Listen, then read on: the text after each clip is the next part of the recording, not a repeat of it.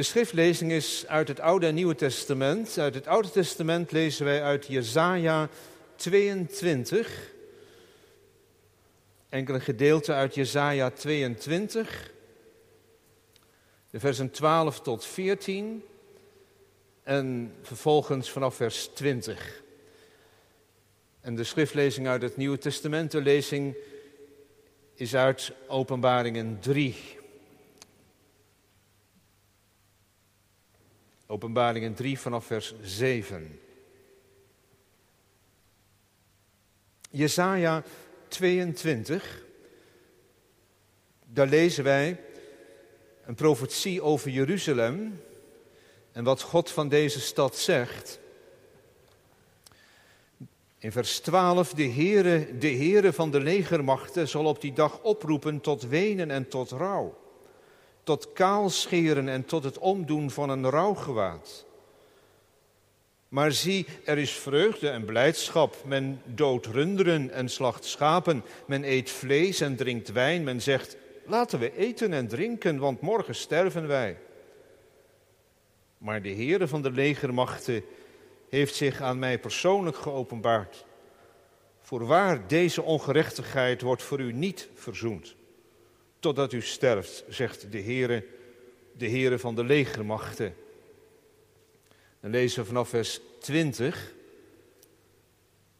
Op die dag zal het gebeuren dat ik mijn dienaar Eljakim, de zoon van Hilkia, zal roepen. Ik zal hem bekleden met uw gewaad, hem uw gordel ombinden en uw heerschappij zal ik in zijn hand leggen. Hij zal als een vader zijn voor de inwoners van Jeruzalem en voor het huis van Juda, en ik zal de sleutel van het huis van David op zijn schouder leggen. Als hij open doet, zal niemand sluiten. Als hij sluit, zal niemand open doen. Tot zover de lezing uit de profetie van Jezaja. Openbaringen 3 vanaf vers 7. En schrijf aan de engel van de gemeente in Philadelphia. Dit zegt de heilige, de waarachtige, die de sleutel van David heeft, die opent en niemand sluit. En hij sluit en niemand opent. Ik ken uw werken. Zie, ik heb voor u een, voor uw ogen een geopende deur gegeven. En niemand kan die sluiten. Want u hebt weinig kracht. En toch hebt u mijn woord in acht genomen. En mijn naam niet verlogend. Zie, ik geef u enige uit de synagoge van de Satan, van hen die zeggen dat zij Joden zijn en het niet zijn, maar liegen. Zie, ik zal maken dat zij komen en aan uw voeten aanbidden en erkennen dat ik u lief heb. Omdat u het woord van mijn volharding hebt bewaard, zal ik ook u bewaren voor het uur van de verzoeking die over heel de wereld komen zal. Om hen die op de aarde wonen te verzoeken Zie, ik kom spoedig. Houd vast wat u hebt, opdat niemand uw kroon zal wegnemen. Wie overwint, hem zal ik tot een zuil in de tempel van mijn God maken, en hij zal daaruit niet meer weggaan. En ik zal de naam van mijn God op hem schrijven, en de naam van de stad van mijn God, en het nieuwe Jeruzalem, dat neerdaalt uit de hemel bij mijn God vandaan en mijn nieuwe naam. Wie oren heeft, laat hij horen wat de geest tot de gemeenten zegt. Dit is het woord van God, zalig die het hoort en het ontvangt en het ook zo gelooft dat je leven daardoor laat bepalen. Gemeente van ons Heer Jezus Christus, hier en waar u ook bent en luistert, kijkt. Het roer moet om. Het moet nu echt anders. Al dus de leider van een niet nader te noemen partij, want het gaat mij niet om een partij. Laat staan dat de preekstoel iets van politiek zou kunnen bevatten. Het gaat mij ook niet om een specifieke stroming uit de samenleving met name te noemen, maar om de geest die hier uitspreekt. En dat is die geest dat het nu maar eens afgelopen moet zijn met dat christelijk getraineer. Opschieten alsjeblieft nou een keer. Met die wet voltooid leven. Het heeft nu lang genoeg geduurd.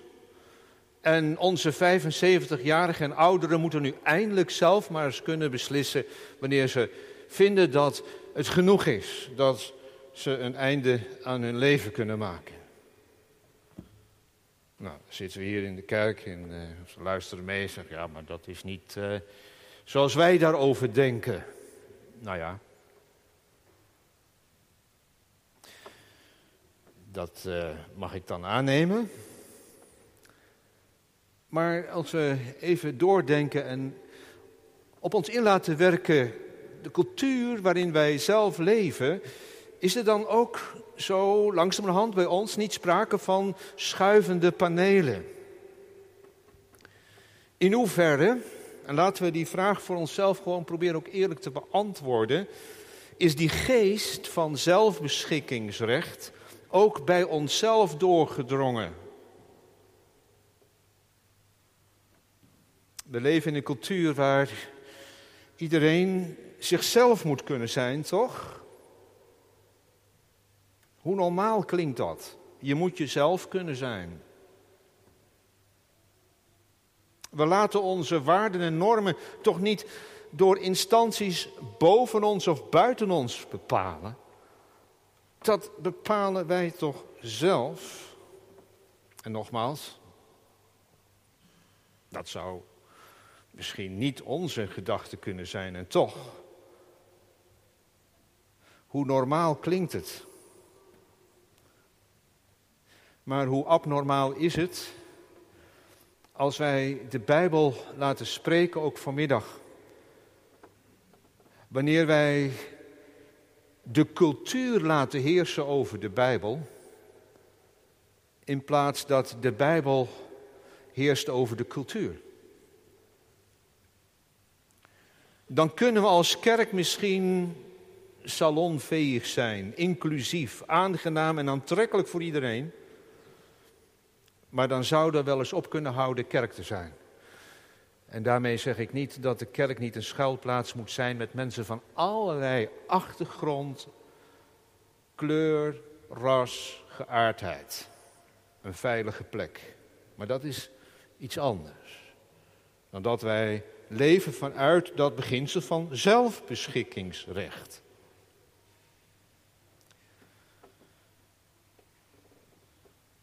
Gemeente van Philadelphia krijgt onderwijs, bemoediging. En wij vanmiddag ook.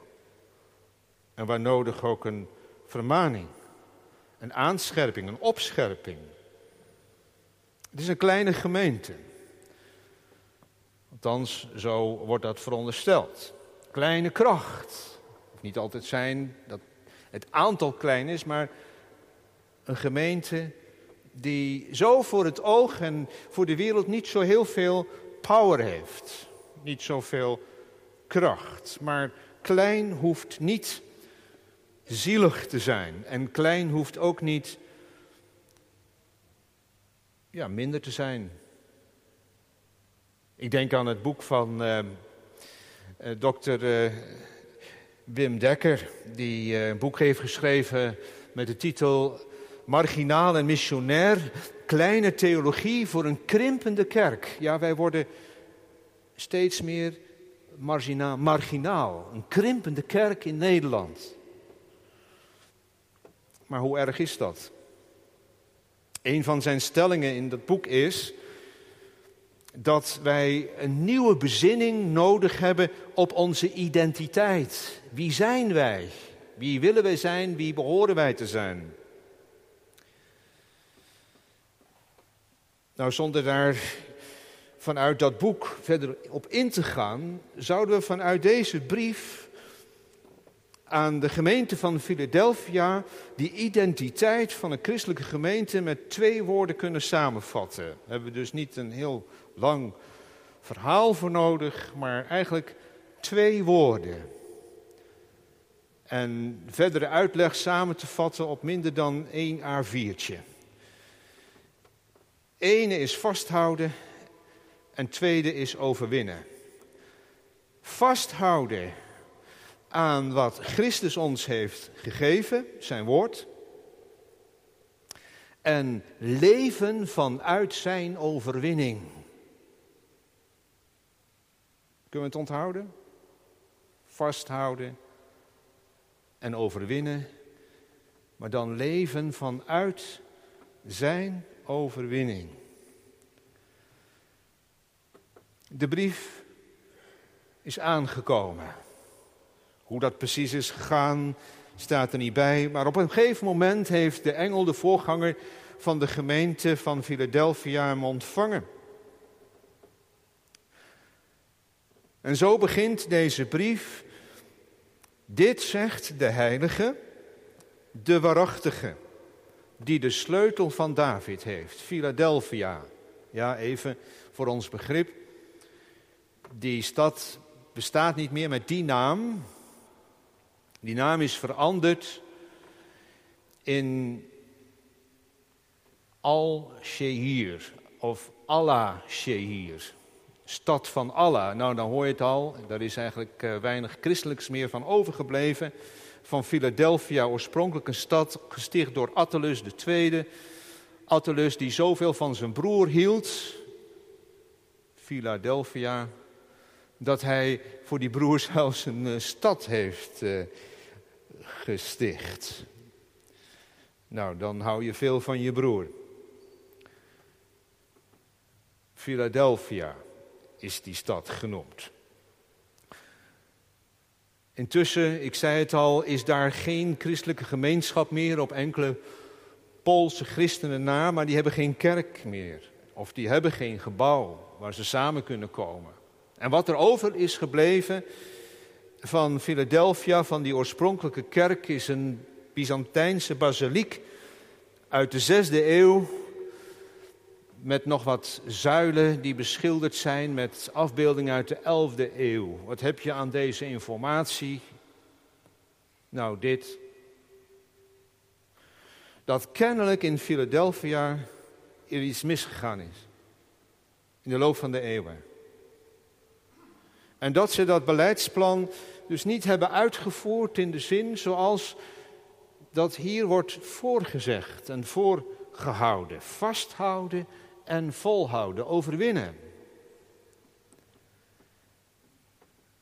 Een brief van de man met de sleutel. Zo noem ik hem maar. De man met de sleutel, ja, klinkt wat geheimzinnig. Maar als we even teruggaan naar Jesaja 22, dan komt dat misschien wat helderder naar voren. Wie is die man met die sleutel in Jezaja? Dat is een zekere Eljakim. En die is de opvolger van Sepna. En Sepna heeft de boel geflest. Sepna is doorgedrongen in de schatkamers van de koning en heeft dingen naar zichzelf toegehaald. Fraude gepleegd of wat dan ook. En dan wordt er opgetreden tegen die Sepna en Eljakim moet hem opvolgen en die krijgt dan de sleutel die toegang heeft tot alle schatkamers. En kennelijk is hij een betrouwbaar figuur. En niemand kan dan meer binnen die schatkamers dan alleen hij. De man met de sleutel. Niemand kan openen, niemand kan sluiten. Behalve Eljakim. En zo presenteert Christus de Verhoogde zich hier aan de gemeente van Philadelphia. Dit zegt de heilige, de waarachtige. Als je de waarachtige heet, je kunt ook vertalen de betrouwbare, dan ben je in elk geval niet iemand van een verborgen agenda. En ook niet iemand van achterkamertjespolitiek. Of uh, dat je geen actieve herinnering hebt aan je eigen gedane beloftes. Want in hem, in deze man met de sleutel, deze waarachtige, deze verhoogde Christus, zijn al de beloften van God zeker ja en amen. Hij doet wat hij zegt. De waarachtige heet hij. Zo is de afzender van deze brief geprofileerd. De waarachtige. De heilige. Die de sleutel van David heeft. Die opent en niemand sluit. En hij sluit en niemand opent. En dan zegt hij, ik ken uw werken.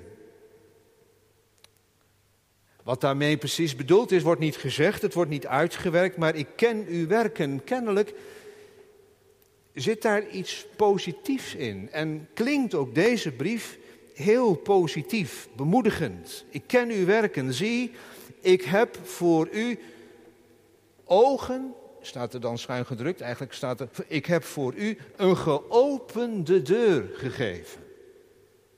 De man met de sleutel, Jezus Christus. Hij heeft een geopende deur gegeven aan die gemeente. Dat kan verschillend worden opgevat.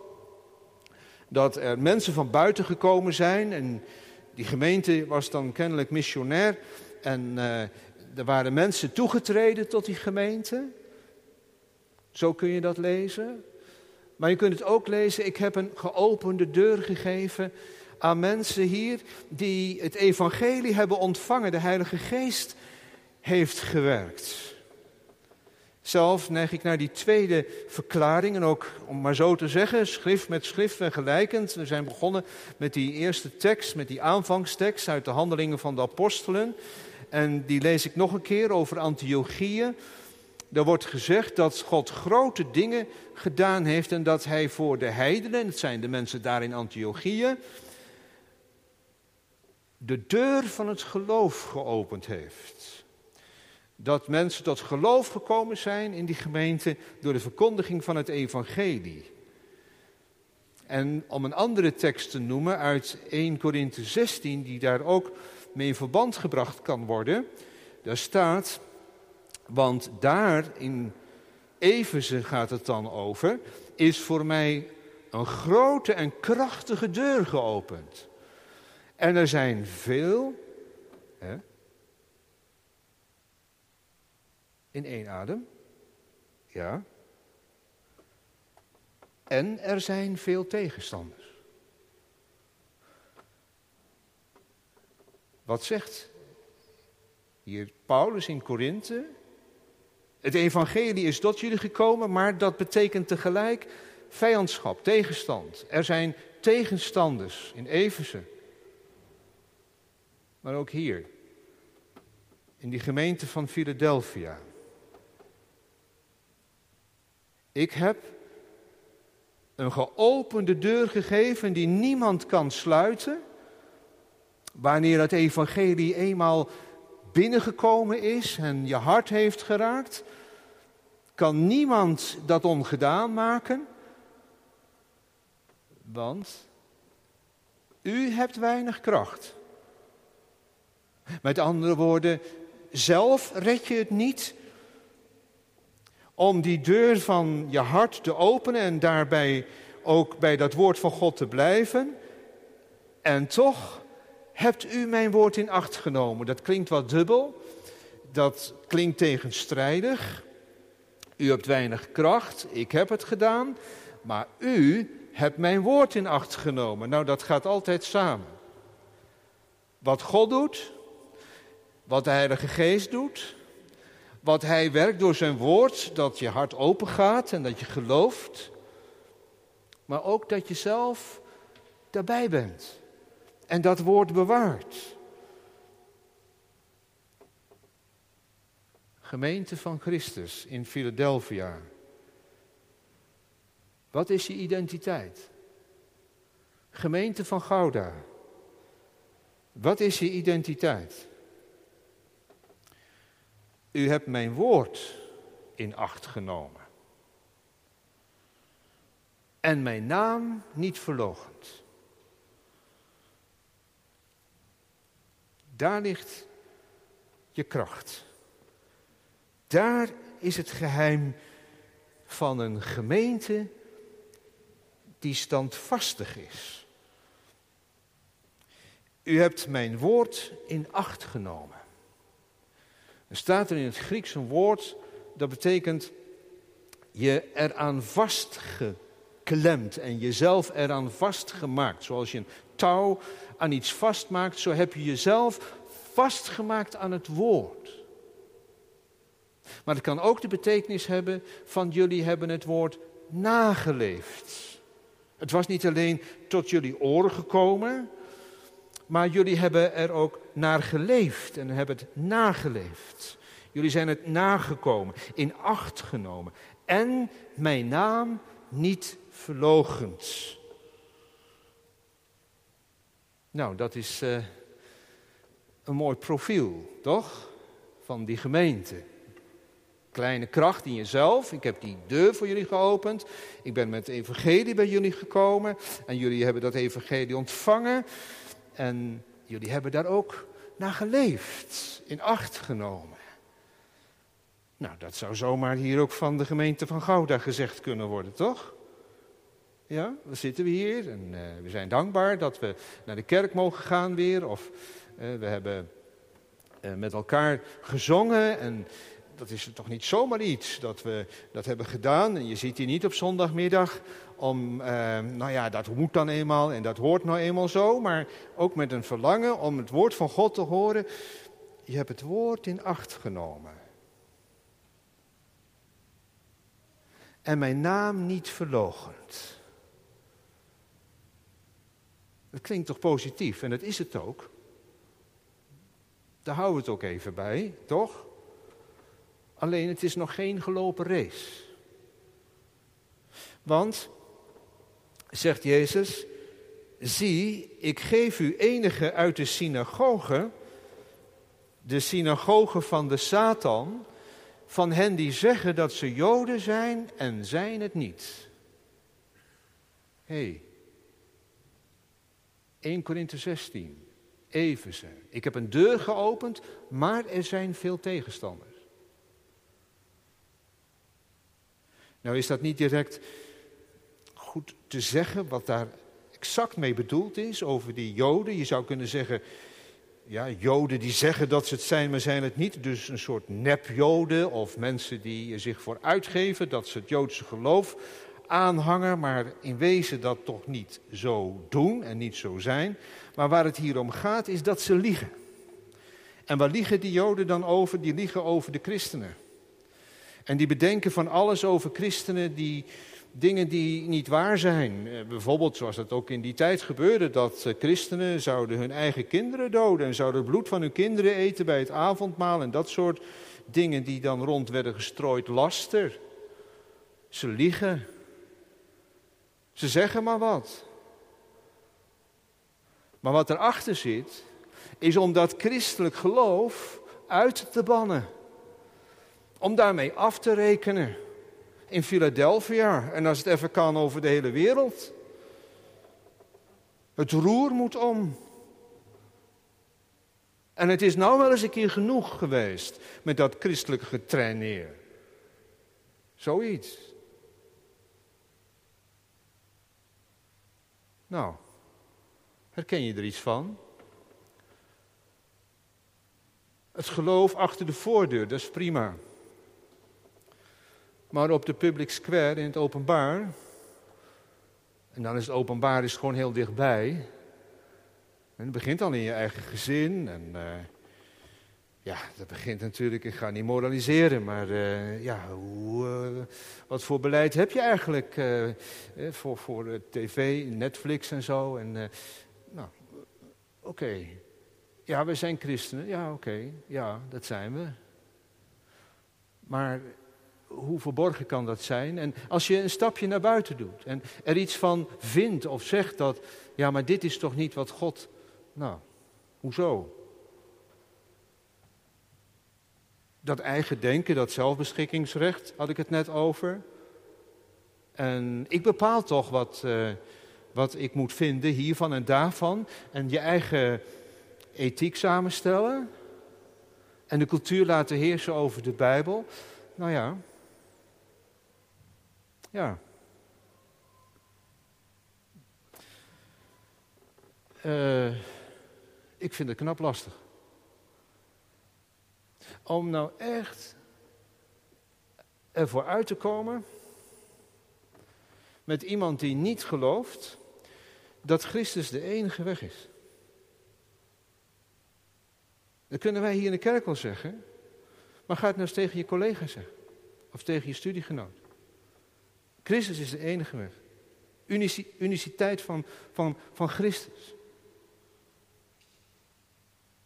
Het was voor de Joden uitgemaakte zaak dat Jezus niet de weg was. Niet de weg. Ze hadden een eigen weg. Maar pop niet direct het postmoderne denken op wanneer wij ook maar iets zeggen over. Ja, als je niet in de Heer Jezus gelooft, is er eigenlijk maar één weg. Tenminste, dat is uh, dat de Bijbel zegt. Wie de zoon gelooft, die heeft het eeuwige leven. Maar wie de zoon ongehoorzaam is, die, op die blijft de toorn van God.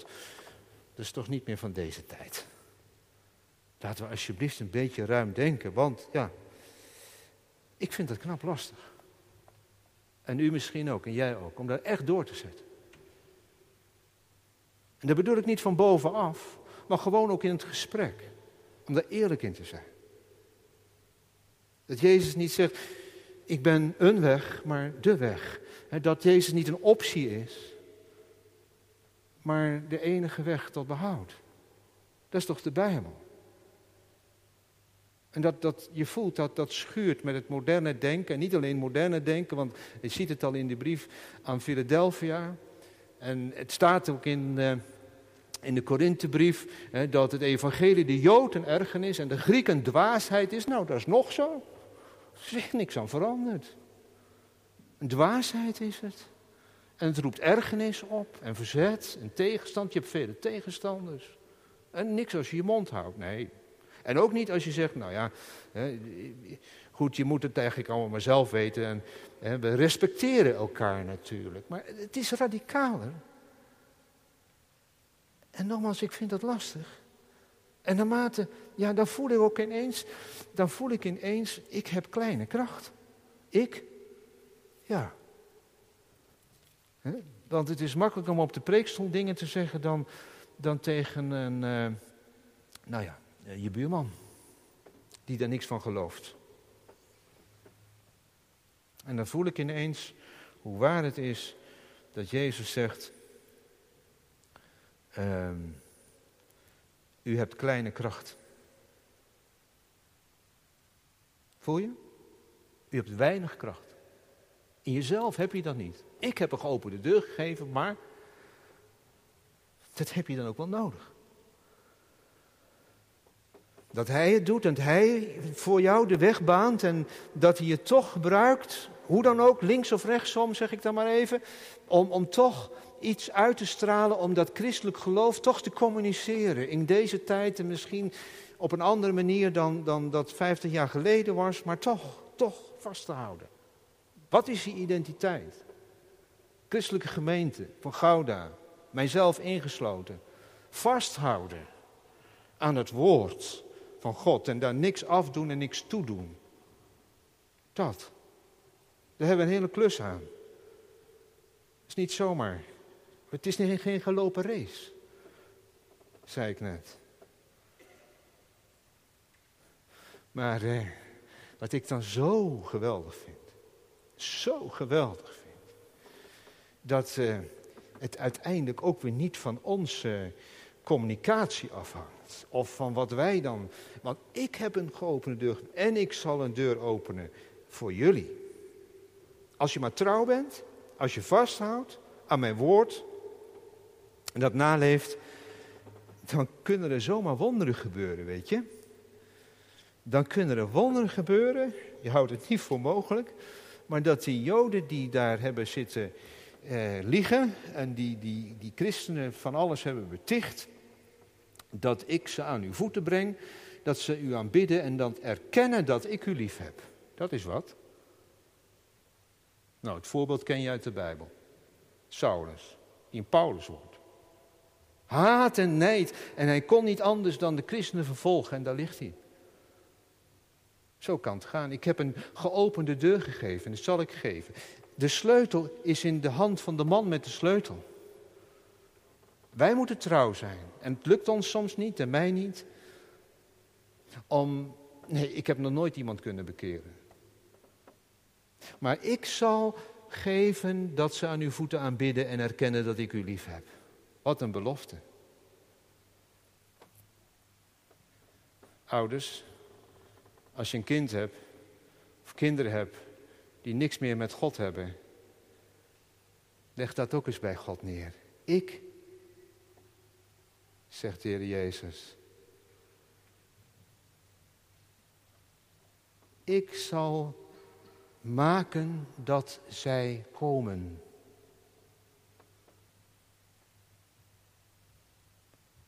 Ik zal maken dat zij komen.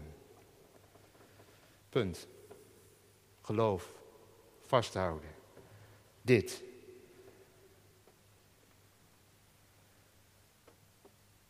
Omdat u het woord van mijn naam volharding hebt bewaard, zal ik dan ook u bewaren voor het uur van de verzoeking die over heel de wereld komen zal.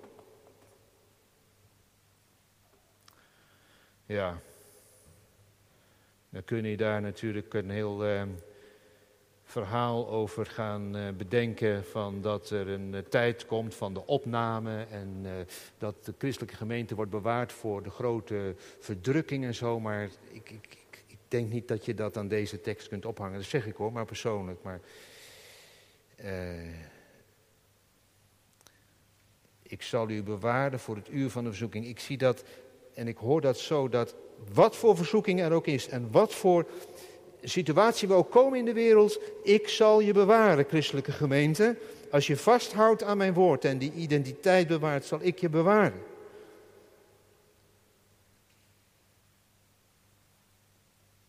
Want ik kom spoedig. Zegt hij erachteraan. Zie, ik kom spoedig. Nou, dat hebben we al 2000 jaar gehoord. Hoe spoedig is spoedig? Nou, zo spoedig als spoedig bij God spoedig is. Want duizend jaar zijn één dag en, en, en één dag is duizend jaar. Want wij zitten met onze tijdrekening, maar daar moeten we dus even van af.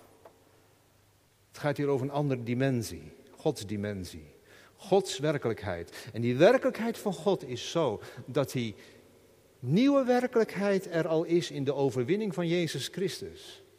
Alleen wij zien het nog niet. We zitten nog in deze werkelijkheid. Maar je hoeft maar even door te kijken door die werkelijkheid van ons heen en dan weet je, er is een andere werkelijkheid en dat hij spoedig komt.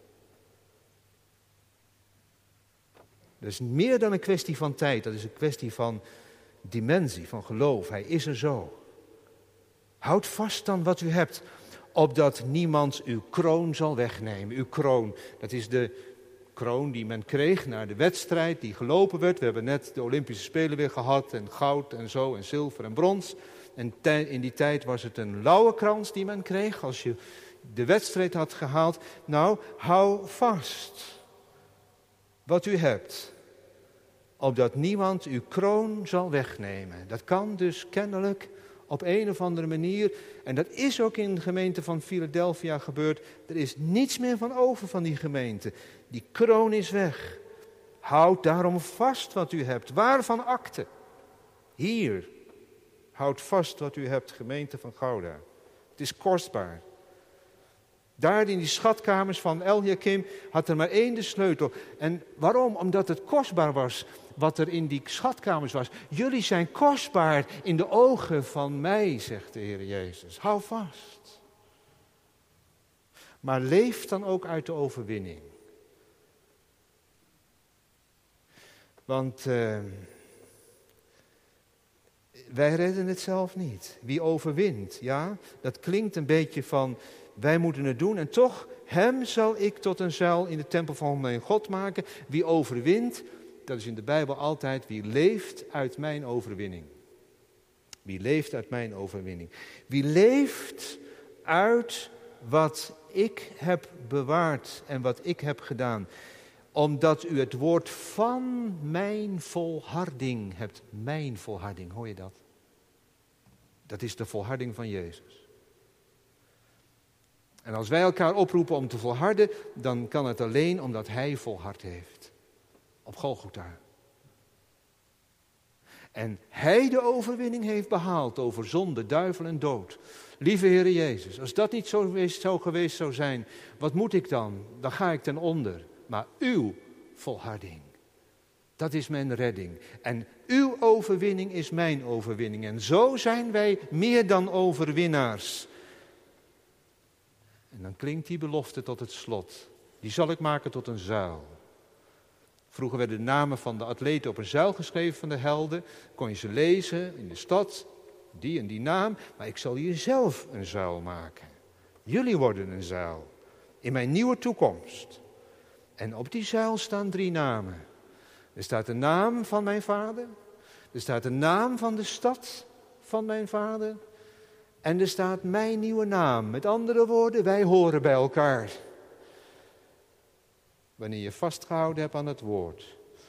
Volgehouden, levend vanuit die overwinning wat Jezus heeft gedaan, Hij voor mij. Zul je een zuil zijn. Op die nieuwe aarde. Omdat je dan zult zijn wat Hij hier van jou heeft gemaakt dan is het roer pas echt om. Voor eeuwig. Halleluja. Amen.